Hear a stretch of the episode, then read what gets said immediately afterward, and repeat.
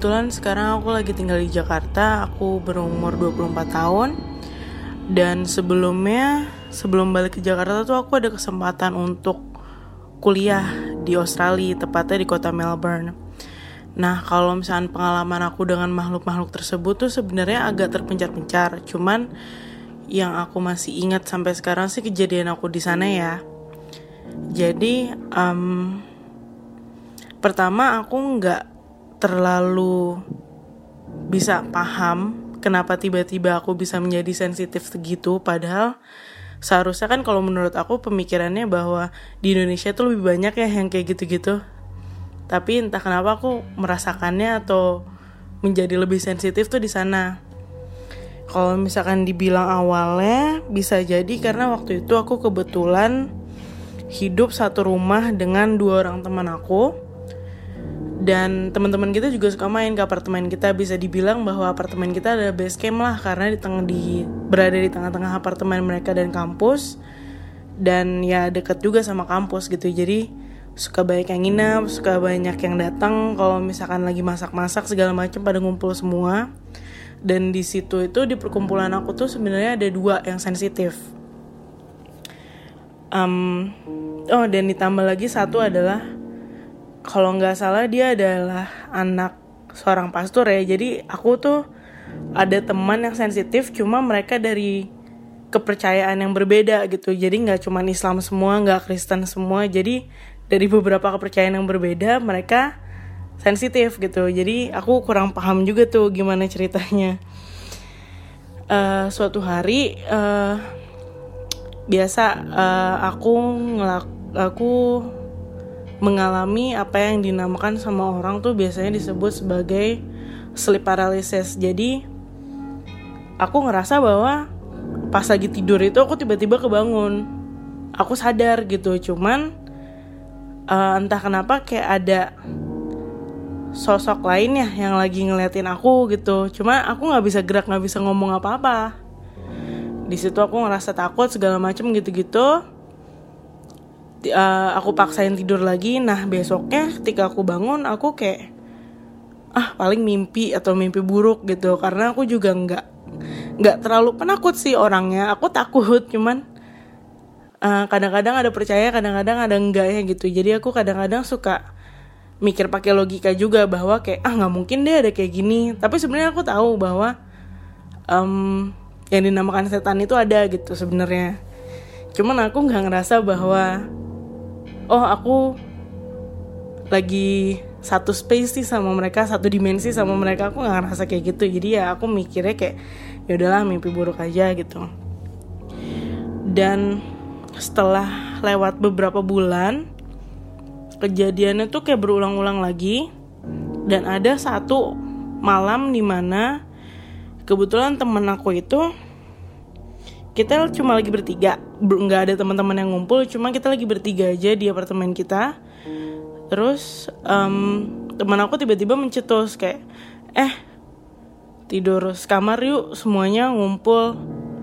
Beda-beda kasur sih jadi ada yang di kasur ada yang di bawah ada yang kayak gitu gitulah gitu. Cuman aku kira dia ngajak main game atau apa gitu kan atau cerita-cerita atau dia pengen curhat tentang cintanya segala macam gitu kan. Cuman ternyata enggak jadi kita semua di posisi tidur nih. Nah, di situ posisinya adalah lagi winter di Melbourne. Jadi winter di sana tuh pas aku lagi kuliah di sana tuh bisa sampai 3 derajat, 6 derajat, belum lagi kalau hujan gitu. Jadi dingin banget sebenarnya. Jadi kalau lagi winter biasanya kita nggak pakai AC dan nggak buka jendela juga. Jadi karena dingin ya udah gitu dan kebetulan apartemen kita tuh aku ingat banget AC-nya tuh sentral. Jadi nggak ada di kamar-kamar ya nggak satu AC satu kamar. Cuman AC-nya tuh ada di ruang tamu udah itu aja gitu. Jadi kayak kayak kantor-kantor gitulah biasanya. Terus abis itu dan aku juga nggak men aku anehnya juga nggak menanyakan sih kenapa dia kayak kok lo tumben-tumbennya sih mau tidur bertiga gitu. Gue kira lo mau curhat. Aku nggak nanya kayak gitu. Aku kayak yaudah ngikut aja gitu manut. Iya iya boleh boleh. Aku kan tidur di bawah ya. E, narik kasur ke dalam. Entah kenapa mau juga nggak tahu deh. Terus biasanya kan kita kalau kalau ngumpul satu kamar gitu itu ngobrol-ngobrol-ngobrol segala macam gitu kan. Ini enggak ini posisi tidur. Terus abis itu dia tiba-tiba nge-whatsapp aku atau nge-line waktu itu ya lupa whatsapp atau line. Pokoknya dia nge-message aku nggak ngomong langsung. Tanpa gerak sedikit pun tuh di kasur. Dia di atas kasur aku di bawah. Flo jangan lupa baca doa tidur ya. Sesuai kepercayaan kamu dia bilang gitu.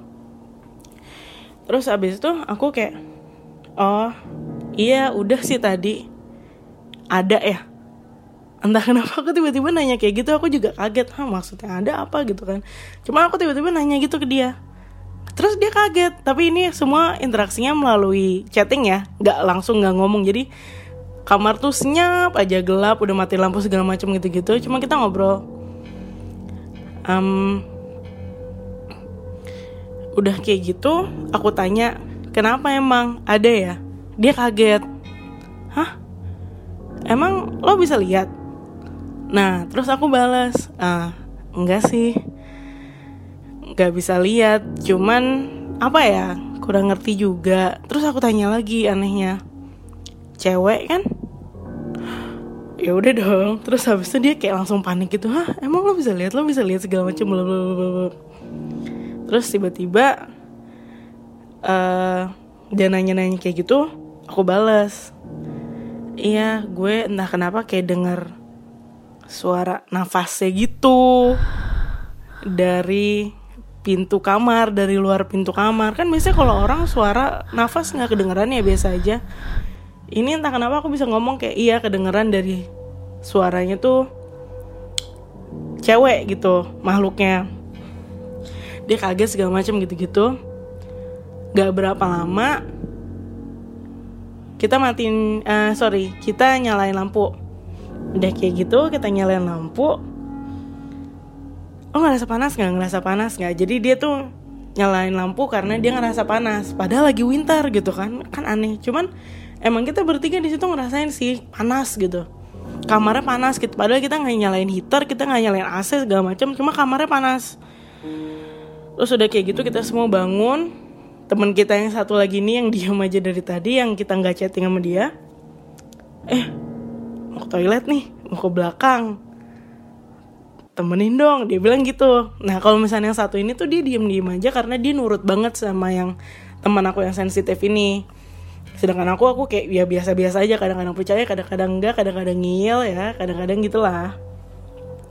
Terus udah kayak gitu yaudah kita bertiga mau ke toilet kan. Yaudah deh sekalian aja. Aku mau ambil minum dia mau ke toilet segala macam gitu gitu yaudah barengan aja. Entah kenapa gitu kan begitu kita ngelewatin kan kita buka pintu kita ngelewatin daun pintu kamar itu langsung dingin. Langsung kayak cuaca di luar gitu langsung winter lagi rasanya. Padahal di kamar itu tuh kayak super panas. Jadi seakan-akan tuh kayak ada yang menahan di daun pintu itu dan temperaturnya tuh beda banget. Dalam jarak kurang dari 2 meter tuh itu udah beda banget temperaturnya udah suhunya tuh beda banget udah kayak gitu-gitu nggak berapa lama begitu kita balik ke kamar lagi ke satu kamar lagi nih nggak nggak balik ke kamar masing-masing nggak. Yang teman aku yang sensitif itu yang tinggal bareng sama aku tapi sensitif itu dia bilang kita baca doa yuk bareng-bareng segala macam bla bla bla bla bla. Udah melakukan hal itu ke tempat tidur masing-masing yang ada di dalam kamar itu udah suasananya sejuk lagi. Seakan-akan kayak udah nggak nggak ada apa-apa gitu. Biasa aja kayak kamar pas winter cuma nggak dibuka jendelanya pada umumnya gitu. Udah nah udah kayak gitu di situ mulai tuh beredar cerita-cerita yang kayak gitu. Kalau misalnya ngumpul tuh eh tuh gak sih uh, malam ini waktu itu si Flo ngerasain ini loh bla bla bla bla. Mulailah gitu kan nggak berapa lama dari situ aku dan teman-teman aku uh, kebanyakan yang emang kita satu universitas dari Indonesia semua uh, ingin ngadain road trip nih ke Sydney. Karena kita kan dari Melbourne ke Sydney itu sekitar 10 jam ya melalui jalan darat. Dan itu pada nyetir mobil sendiri. Kebetulan ada yang ada yang bawa mobil sendiri yang lainnya ya nggak punya mobil dibagi-bagi dalam mobil itu gitu. Dan aku kebetulan nggak ada SIM internasional ya atau SIM Australia jadi aku nggak nyetir sama sekali. Jadi aku jagain biar yang nyetir nggak tidur aja gitu kan. Nah kalau misalkan di road tripnya itu sendiri aku nggak ada ngerasain hal-hal aneh ya karena kebetulan aku lagi sakit waktu itu jadi aku tidur aja. Meskipun janjinya pengen bangunin atau jagain biar nggak tiduran gitu kan kalau misalkan lagi road trip gitu bahayanya di Australia um, sepi ngantuk jalannya lurus bagus lewat ya pohon-pohon lah banyak gitu kan. Dan takutnya sih bahaya utamanya tuh kanguru jadi kanguru tuh suka kayak nyebrang-nyebrang tanpa permisi gitu kan. Jadi kadang-kadang orang uh, ada yang kecelakaan nabrak kanguru segala macam gitu-gitu. Dan untung nggak ada apa-apa sih. Kita nyampe di Sydney dengan selamat ngumpul sama anak-anak Indonesia lainnya yang dulu sempat satu satu tempat persiapan di Jakarta.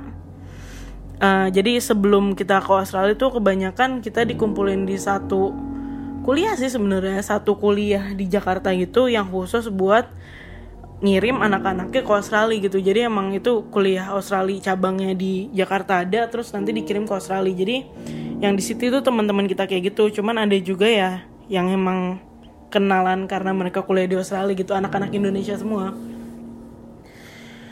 Nah abis itu kita have fun segala macam bla bla bla ketemu ketemu ketemu ketemu. Main main main main. Di hari terakhir sebelum kita pulang jadi hari kedua sebelum terakhir kan kita pulangnya siang ya. Jadi malamnya kita mikir kita ke mana ya? Aduh bosen nih ke tempat yang itu itu aja. Makan udah jalan-jalan udah piknik udah. Lagian udah malam juga mau ngapain gitu kan? Mereka mikirnya kayak oh, sayang banget kalau misalkan kita langsung ke hotel balik tidur sekarang terus besok langsung pulang gitu kan. Karena besok emang kita nggak bisa ngapa-ngapain lagi gitu. Jadi malam ini mau ke mana nih? Debat debat debat. Kan lumayan rame ya. Mungkin sekitar ada 20 atau 30 orang gitu yang lagi ngumpul waktu itu anak Melbourne sama anak Sydney. Terus udah kayak gitu ada yang nyeletuk. Eh gimana kalau kita wisata mistis? Aku di situ kaget dong hah? Aku sama cewek-cewek yang lain tuh kayak hah? Yakin? Ngapain sih yang kayak gitu dicari? Mikirnya gitu kan. Cuman ya udah majoritinya kebanyakan emang maunya wisata mistis. Entah kenapa entah kenapa nggak nggak mikir deh gitu nggak nggak kepikiran kenapa mereka mau kayak gitu. Abis itu pas kita cari-cari tahu melalui website malam itu tuh aku lupa hari apa pokoknya pas malam waktu weekdays wisata mistis itu tuh nggak ada. Sebenarnya emang wisata mistis di Sydney tuh kayak ada tour guide-nya gitu loh. Cuman buat malam itu kebetulan nggak ada. Kurang tahu emang lagi tutup atau emang harus booking dari jauh-jauh hari atau kayak gimana karena kita spontan dan mungkin timingnya juga nggak pas emang nggak ada gitu. Udah gitu kalau misalkan turnya emang nggak ada kita mikirnya kayak oh ya udah nggak jadi gitu kan. Kita udah kayak yang beberapa kayak ya udah senang-senang aja gitu. Cuma entah kenapa entah apa yang dibicarakan oleh kebanyakan orang dari grup tersebut kita jadinya ke salah satu rumah gaya Victoria ga, bukan gaya Victoria ya gaya hmm, ya gaya-gaya Australia rumah gaya Australia lama gitulah yang kayak tamannya gede uh, ruang-ruangannya terpisah di sini ada ruang buat pestanya di sini ada ruang apa rumah kecilnya kayak saung-saung versi bulenya gitu lah ya ini rumahnya terus habis itu ada tamannya banyak pohon tinggi banget. Sebenarnya itu letaknya di kompleks-kompleks gitu. Cuman karena emang kalau misalkan di daerah itu tuh nggak ada suatu event misalkan kayak tahun baru atau apa segala macam emang sepi gitu jalanannya. Dan itu juga emang udah malam ya. Kita nggak tahu juga deh kenapa waktu itu nyari nyari masalah atau kayak gimana. Jadi rumah itu tuh terletak di seberang taman kota. Bukan taman kota ya kayak taman di daerah situ cuma gede banget gitu. Jadi kayak kalau diomongin atau disetarain sama taman-taman yang ada di Indonesia atau di Jakarta lah gitu seputaran Jakarta itu kayak taman kotanya gitu lumayan gede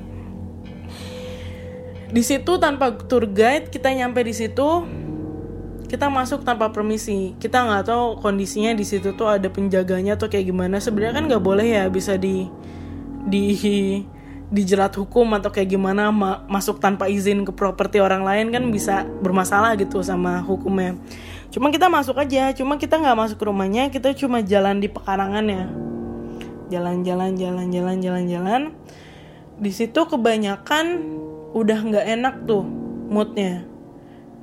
Yang ngajak pun juga pada takut dan ngumpul semua jadi peluk-pelukan semua nempel-nempel semua yang paling depan juga udah nggak mau maju yang belakang juga suruh maju gitu gitulah udah chaos pokoknya. Aku kebetulan sama temen aku yang satu lagi yang dia sensitif juga cuma dari kepercayaan yang berbeda dari agama yang berbeda. Aku nempel sama dia cewek-cewek nempel sama dia. Dia juga kayak sebenarnya pernah uh, kayak ngajak aku flow sini sama gue dia bilang gitu soalnya entah kenapa di situ tuh aku begitu masuk situ jalan-jalan di situ tuh aku kayak bengong. Aku nggak bisa mikir. Padahal emang kan aku udah sadar gitu ya bahwa sebenarnya kalau lagi di posisi kayak gitu kita nggak boleh bengong. Bahaya gitu entah mengundang makhluk apa masuk segala macem atau emang digodain sama setan atau kayak gimana ya aku nggak tahu gitu. Cuman pas temen aku ngajak sini sama dia aku kayak ah enggak ah nggak boleh bertiga pegangan katanya. Terus yang lain bingung yang lain di sekitar aku bingung dah maksudnya katanya apa? Aku di situ nggak mikir tuh. Aku baru sadar tuh pas kita cerita cerita abisannya. Jadi pas aku ngomong kayak gitu tuh aku nggak mikir. Aku emang lagi bengong dan aku nggak ada mikir apa apa aku cuma ngeliat ke depan gelap semua segala macam gitu gitu center juga cuma dari center HP itu juga beberapa jadi nggak terang gitu emang nggak ada lampu. Melewati ruangan kaca yang itu tuh tempatnya kayak kaca semua kayak ruang makan ya atau ruangan pesta gitu. Cuman cuma ruangan itu aja jadi kayak rumahnya tuh itu doang. Rumah yang utamanya ada di sisi taman lainnya. Entah kenapa pas pertama lewat itu sih aku sadarnya lampunya putih ya ada lampu kayak dikit gitu cuma buat penerangan cuman ya buat lampu malam gimana sih? Cuman entah kenapa pas udah ngelewatin itu lurus terus kan. Harusnya kan tamannya muter gitu. Cuman entah kenapa cowok-cowok yang berada di depan tuh memutuskan bahwa eh kita putar balik aja. Kayak kita nggak bisa dilurus lagi. Itu aku nggak tahu tuh kenapa entah ada pagarnya lagi atau jalannya rusak atau becek atau kayak gimana aku nggak ngerti deh. Ya udah kita balik lagi otomatis ngelewatin ruangan yang berlampu putih kaca semua itu. Pas balik lagi entah kenapa lampu putihnya tuh kayak ada apa ya kayak di, ada dicampur sama warna lain gitu. Jadi bukan lampu putih lampu putih aja.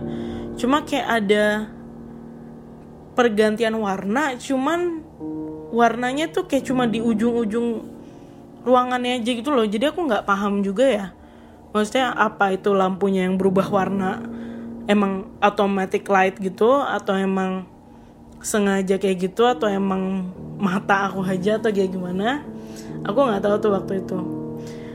Udah balik dari situ kita memutuskan eh kita mau ngelilingin rumah utamanya nggak yang di situ notabene-nya lampu yang ada tuh ya lampu malam aja.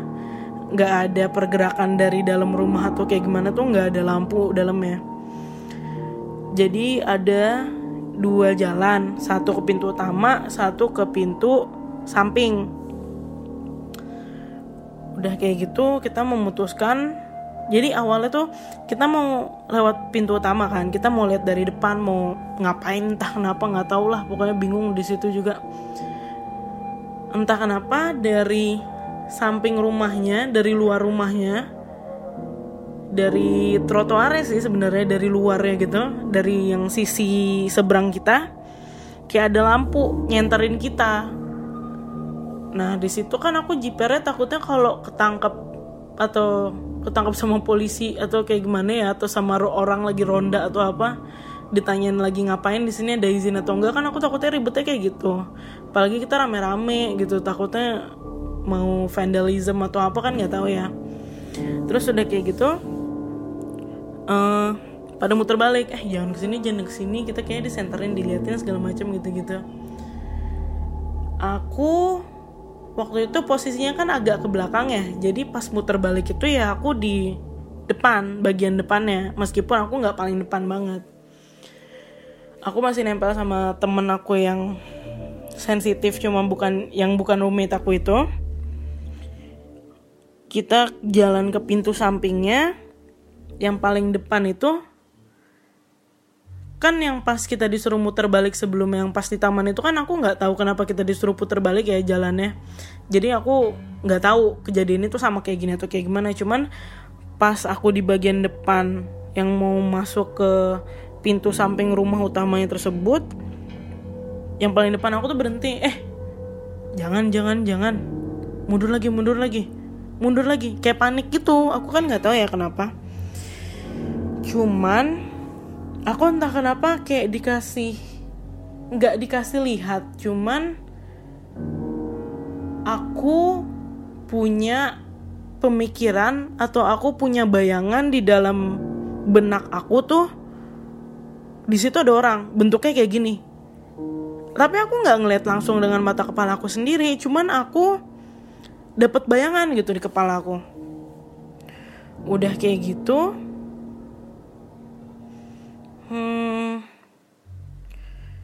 kita muter balik yang di depan agak tersendat entah takut atau entah apa. Jadi aku di aku yang di bagian belakang karena udah muter balik itu aku ngikut aja gitu kan. Apalagi di situ aku masih kayak bengong kayak nggak kayak nggak percaya gitu loh ada di daerah tersebut. Ngapain sih kita gitu?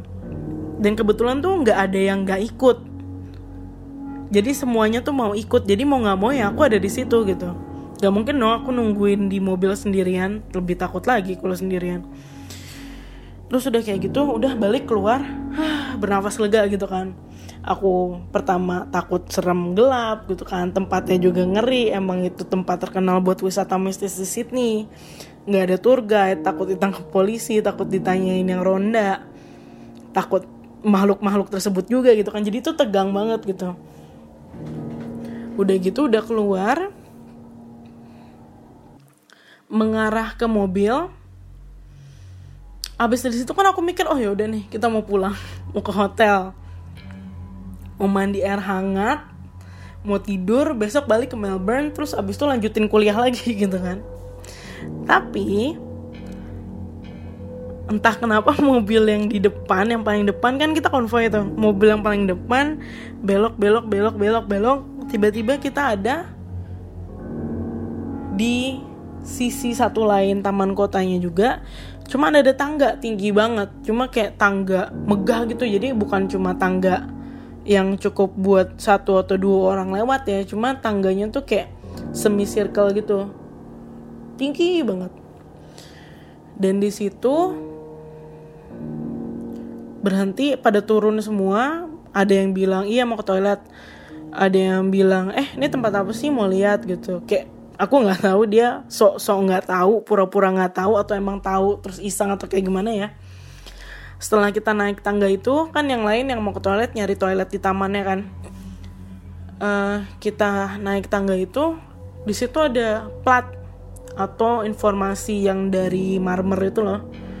Uh, tulisan teks teks informasi tentang apa sih uh, lokasi itu gitu pas kita baca aku kan nggak tahu apa apa ya di teks itu dituliskan bahwa tempat itu lumayan terkenal buat orang bunuh diri.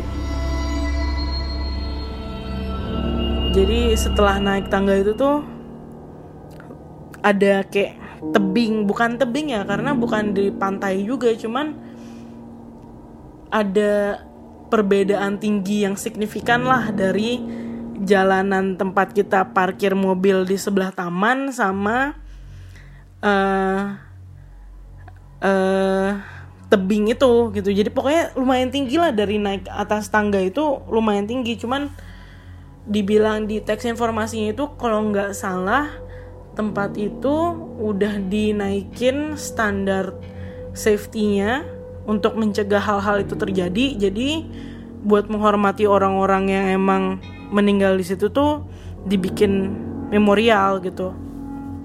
Wah aku nggak tahu tuh. Setelah baca itu aku kayak aduh masih nyari kayak ginian gitu. Padahal yang ngajak wisata mistis itu sebenarnya tadi juga pada takut semua gitu. Justru pada lebih berisik daripada yang cewek-cewek.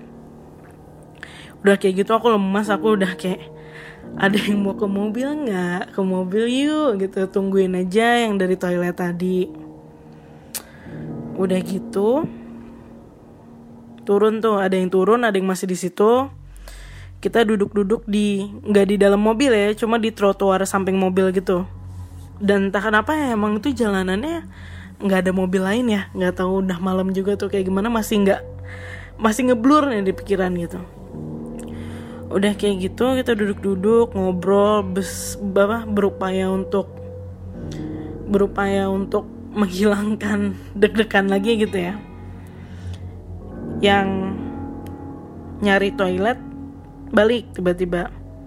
Tanyain eh kan ada cewek juga yang mau ke toilet kan? Eh ada yang mau ke toilet juga nih kalian tadi toilet ke mana? Gitu kan yang ke toilet tadi cowok makanya berani beberapa doang nggak rame-rame kalian ke toilet di mana? Coba temenin dia doang dia mau ke toilet cuma takut gitu.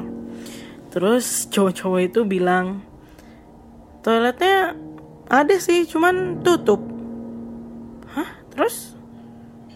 Lo nggak jadi pipis gitu? Jadi ya di pohon aja sebelahnya. Hah? Ya aku aduh nggak nggak habis pikir deh kenapa mereka bisa melakukan itu gitu terus udah gitu ya udah. Yang di bawah kan nih udah kayak ngerasa makin gak enak gitu kan. Entah makin dingin entah makin ngantuk atau lapar atau apa. Uh, kita ngomong kayak eh tolong teleponin dong yang di atas suruh balik yuk. Udah pada capek nih gitu. Udah gitu kita telepon lah yang di atas sana. Entah mereka berani maksudnya mereka itu pemberani atau emang mereka nyebelin kurang tahu juga ya. Mereka bercanda gitu bercandanya tuh kayak eh iya nih kita mau ke bawah cuman entah kenapa kayak kakinya berat gitu ya. Kayak aduh nggak tahu nih. Eh tolong dong tolong ada yang dorong. Ah! Mereka bercandanya gitu di tempat seperti itu. Kan aku ngerasanya kayak aduh kenapa sih nih orang gitu? Kok kok bisa gini banget gitu? Sebenarnya mungkin lucu sih kalau nggak takut. Cuman aku lagi nggak enak gitu. Posisinya aku membayangkan sesuatu di kepala aku. Dan abis itu kita ke tempat kayak gitu ada yang bercanda kayak gitu. Jadi aku makin drop dong. Udah balik ke hotel. Banyak yang udah pada tidur. Cuma kamar aku tuh kebetulan karena aku nggak bisa tidur jadi aku ngajak ngobrol teman-teman aku yang lain gitu. Dan pas ngomong di grup eh ada yang masih bangun nggak? Terus habis itu ada nih ada ada. Mau ngobrol nggak? Kalau mau ngobrol ke kamar gue aja gitu. Terus habis itu ada yang nanya juga eh tadi makanan yang dibungkus di mana ya? Gue lapar nih gitu. Dan kebetulan ada di kamar aku juga gitu. Jadi ya udah kita ngobrol malam yang makan mau makan segala macam gitu-gitu. Dan kebetulan tuh semua orang yang sensitif kebanyakan ngumpul semua sama aku gitu. Di situ aku nanya lah eh pas di rumah tadi kenapa sih kita disuruh muter segala macam gitu-gitu? Kenapa kita nggak lurus? Kenapa kita tiba-tiba nggak jadi ke yang itu yang itu yang itu? Gitu kan. Terus diceritain oh iya takutnya kayak gini. Mereka nggak cerita sih mereka mereka ngelihat apa mereka ngedenger apa cuman salah satu orang yang sensitif itu yang ngajakin aku buat mau mau megangin aku. Pas aku bengong itu dia bercandain aku kayak iya nih satu. Dia lagi bengong segala macem. Tadinya mau gue bantuin. Eh dianya bilang iya nggak boleh bertiga katanya. Udah nggak apa-apa. Dia bilang gitu ya udah gue biarin aja gitu. Bercanda-bercanda kayak gitu segala macam gitu-gitu. Terus aku keinget kan apa yang aku alamin pas di rumah utama itu aku tanya eh uh, tadi sebenarnya apa ya? Gue nggak ngeliat. Cuman yang ada di bayangan gue itu tadi ada cewek rambutnya panjang pakai baju baju apa ya? Namanya baju gaya Victoria kayak baju-baju yang ada di Titanic yang roknya bundar segala macam gitu-gitu. Jadi rambutnya panjang uh, pakai baju dress panjang tapi yang roknya bundar itu bajunya putih pakai payung renda-renda. Aku nanya kayak gitu ke semua orang yang ada di situ gitu kan. Itu apa sih? Itu bukan itu beneran ada yang kayak gitu? Kok ada yang kok aku bisa mikirin kayak gitu ya? Kan aku tanya kayak gitu ke semuanya. Terus yang lain pada diem. Flo lo bisa ngeliat lo tadi lihat. Terus aku kaget kan hah? Enggak kok gue nggak bisa lihat. Enggak gue nggak lihat. Gue cuman muncul aja gitu di benak gue bahwa di depan gue tuh ada yang kayak gitu padahal mata gue nggak nggak ngeliat apa-apa. Udah kayak gitu ngobrol-ngobrol segala macam gitu-gitu yang tadinya mau bantuin aku buat megangin tangan aku di taman itu di tamannya rumah utama itu dia na dia nawarin eh mau gak lo di bersihin dia ngomongnya gitu. Lo mau nggak dibersihin? Hah, bersihin gimana?